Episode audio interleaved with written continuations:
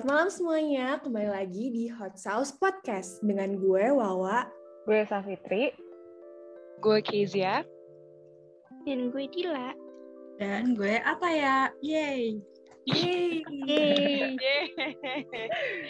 Oke, okay, malam-malam ini kira-kira enaknya ngobrolin apa ya guys?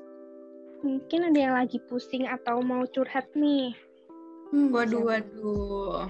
Gue gue mau curhat. Udah curhat apa? Tapi ini ceritanya agak lama kali ya, tapi kita bring back the topic aja kali ya. Oke, oke. Penasaran nih gue. uh, throwback throwback di masa-masa zaman SMA gitu.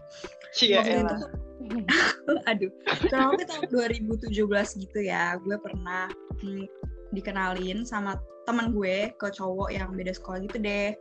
Terus yang kenalin itu teman deket gue kayak satu geng gitu dia cewek. Terus uh, kita kenal kenalan terus ngobrol-ngobrol sampai akhirnya jalan bareng terus sering beberapa kali antar jemput terus jadi deket tuh. Terus tapi tiba-tiba dia ngilang gak ada kabar sama sekali. Parah banget gak sih? Sumpah ya. Gue tuh gimana ya? Gue tuh bener-bener ya sama saya kadang-kadang bingung gitu loh. Mereka tuh nyebelin banget supaya kayak lo bisa ngomong sama gue apa ya lo gak suka dari gue gitu loh. kayak intinya tuh cuma ngomong gitu dan gak ngilang mendadak gitu loh. Kayak buat apa sih ghosting ghosting gitu loh. Iya gak sih? wah, wah, lu berapi-api banget sih kayak lu berapi-api banget nih kayak apa lu berpengalaman nih? Master sih master sih kayaknya kayaknya.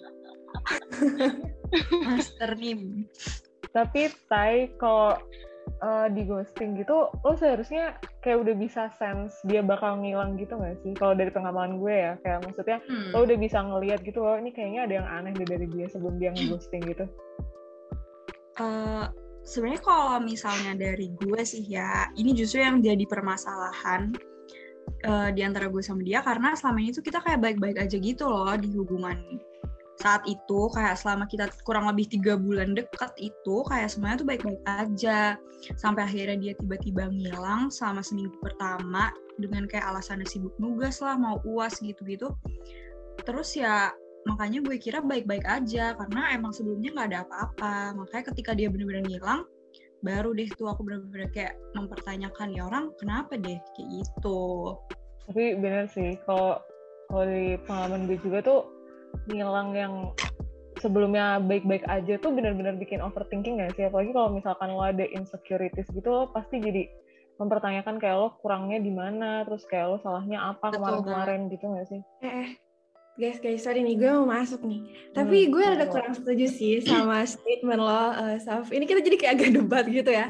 Nah, cuman maksudnya biar kita juga tahu nih kalau dari perspektif lain nih. Kalau misalkan gue tuh uh, jujur gue juga ada pengalaman tapi gue ada pengalaman mungkin di uh, apa namanya di bagian ghostingnya makanya gue um, bisa bilang ini karena menurut gue tuh kalau misalkan gue ngeghosting itu karena ada hal yang bikin gak nyaman bukan serta merta karena kayak fisik dia kurang atau ada hal yang aneh dalam diri dia tapi lebih hmm. kayak ke entah itu sifatnya atau misalnya ada apa ya obrolan yang kurang pas aja gitu loh jadi hmm. hmm menurut hmm. gue uh, beda-beda sih gitu hmm. ya yang kayak gitu kan juga berarti lebih enak dikomunikasiin gak sih Iya sih betul sih Iya kan makanya cuman, cuman menurut pendapatku ya Ki.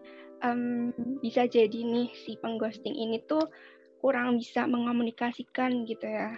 Karena dari pengalamanku dulu sama kayak Wawa nih nggak um, sengaja ngeghosting orang itu tuh karena dulu tuh uh, tiba-tiba ada satu dan hal lain yang kita nggak tahu gitu dan kurang bisa menyampaikan gitu. Kalau dulu aku tuh karena tiba-tiba mantan gebetan datang terus jadi kayak kurang bisa fokus sama dia yang sekarang waktu itu gitu.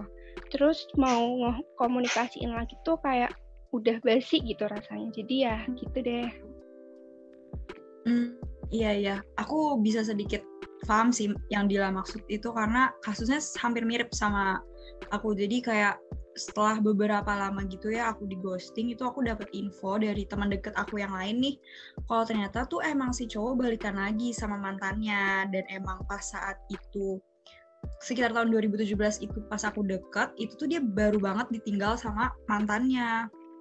Nah salahnya yang lain itu lagi adalah temanku yang kenalin ini dia tuh sebenarnya kayak tahu gitu loh tapi dia nggak bilang sama aku. Terus emang setelah di ghosting itu dia upload snapgram sama cewek. Kayak bikin panas banget sih kayak gitu sih. Jadi makanya itu bikin selek gitu sih sama temen aku yang kenalin itu kayak nyebelin aja kenapa nggak ngasih tahu? Hmm, ya iya sih bener sih. Tapi semisal nih ya semisal kalau misalkan temen lo atau cowok lo itu udah bilang kalau misalnya dia tuh masih punya urusan sama mantan ya lo tuh bisa mundur gitu duluan gak sih Tay nantinya Iya bener-bener harusnya tuh ada komunikasi dulu lah. Jadi kalau emang tahu posisinya belum move on tuh kamu bisa mengerti dan bisa mundur duluan. Jadi nggak ke ghosting gitu kan. Uh -uh, iya nah, iya benar banget sih. Maksud gue tuh seharusnya pada saat itu di awal-awal ya at least temen gue lah atau enggak ngasih tahu dulu. Jadi gue udah bisa ngasih kayak ancang-ancang gitu loh. Misal gue untuk tidak begitu gampang baper. Tapi ya siapa yang bisa mengcontrol feelings kan guys tapi ya time menurut gue ya uh, kok sebagai orang yang pernah ada di antara hubungan teman gue dan cowoknya gitu gue tuh ngerasa kayak sungkan gitu loh untuk mencampuri urusan kalian gitu maksudnya uh, gue ngerasa nggak ada tempat gitu walaupun gue tahu nih permasalahannya kayak apa gitu hmm. iya mm -hmm. ya gue ngerti sih kayak mungkin juga nih temen lo ini tuh takut kalau misalkan nanti kalau ikut campur nah malah jadi ngancurin pertemanan uh, dia sama cowok itu dan dia sama lo gitu. Jadi dia kayak bingung lah ya istilahnya. Dan kayak juga dia nggak mau gitu loh buat kayak ada satu pihak gitu. Karena ya ya pengennya netral aja kalau menurut gue ya Iya ya bener sih. Berarti posisinya temen Taya tuh kayak serba salah gitu kan ya. Dan di saat yang bersamaan Taya temennya dan cowoknya tuh kayak punya perspektifnya masing-masing gitu ternyata. Jadi tuh kita harus bisa sih memposisikan diri kita di pihak-pihak lainnya gitu. Iya ya, gue setuju sih. Karena kalau misalkan kita cuma ngelihat dari satu perspektif doang, kayak contoh dari perspektifnya Taya doang, pasti bakal ngerasa paling korban gak sih?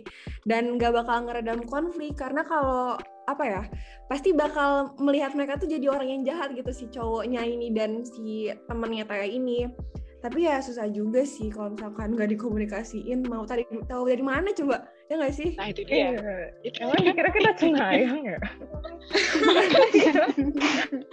Makanya tapi bener sih. Maksudnya setelah dipikir-pikir kayak apa ya ternyata ya emang bisa jadi sih. Mereka juga dealing with their own problems gitu loh. Jadi kayak pasti mereka punya permasalahan masing-masing yang kita nggak tahu gitu kan. Dan emang salah sih kalau misalnya langsung nilai mereka jahat gitu ya kan?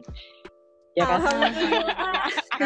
Udah nggak dendam ya udah nggak marah-marah lagi ya, ya. Ya gimana ya? Gue rasa sih emang cara mereka aja yang salah gitu loh. Dengan nggak ngasih penjelasan gitu.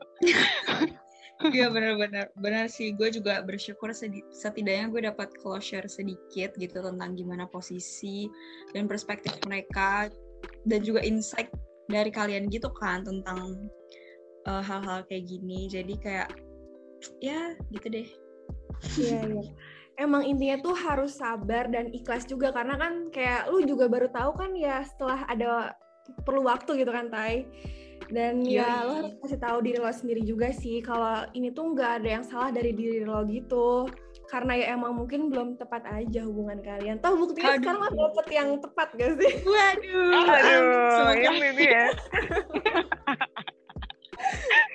Iya sih tapi uh, tetap harus diingat juga sih menurut gue kayak kalau misalkan lo waktu itu emang pingin uh, dapat penjelasan dari mereka tuh juga lo berhak untuk minta gitu loh ke mereka buat nanya ini gue kenapa sih daripada lo yang harus pusing-pusing dan jadinya rugi di lo juga gitu. Betul betul. Ya pokoknya jangan quick to judge ya guys. Kayak gue.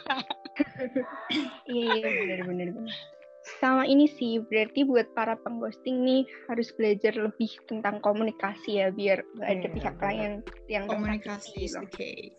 Iya, Iya, benar banget. Ini bro. Mantap ya.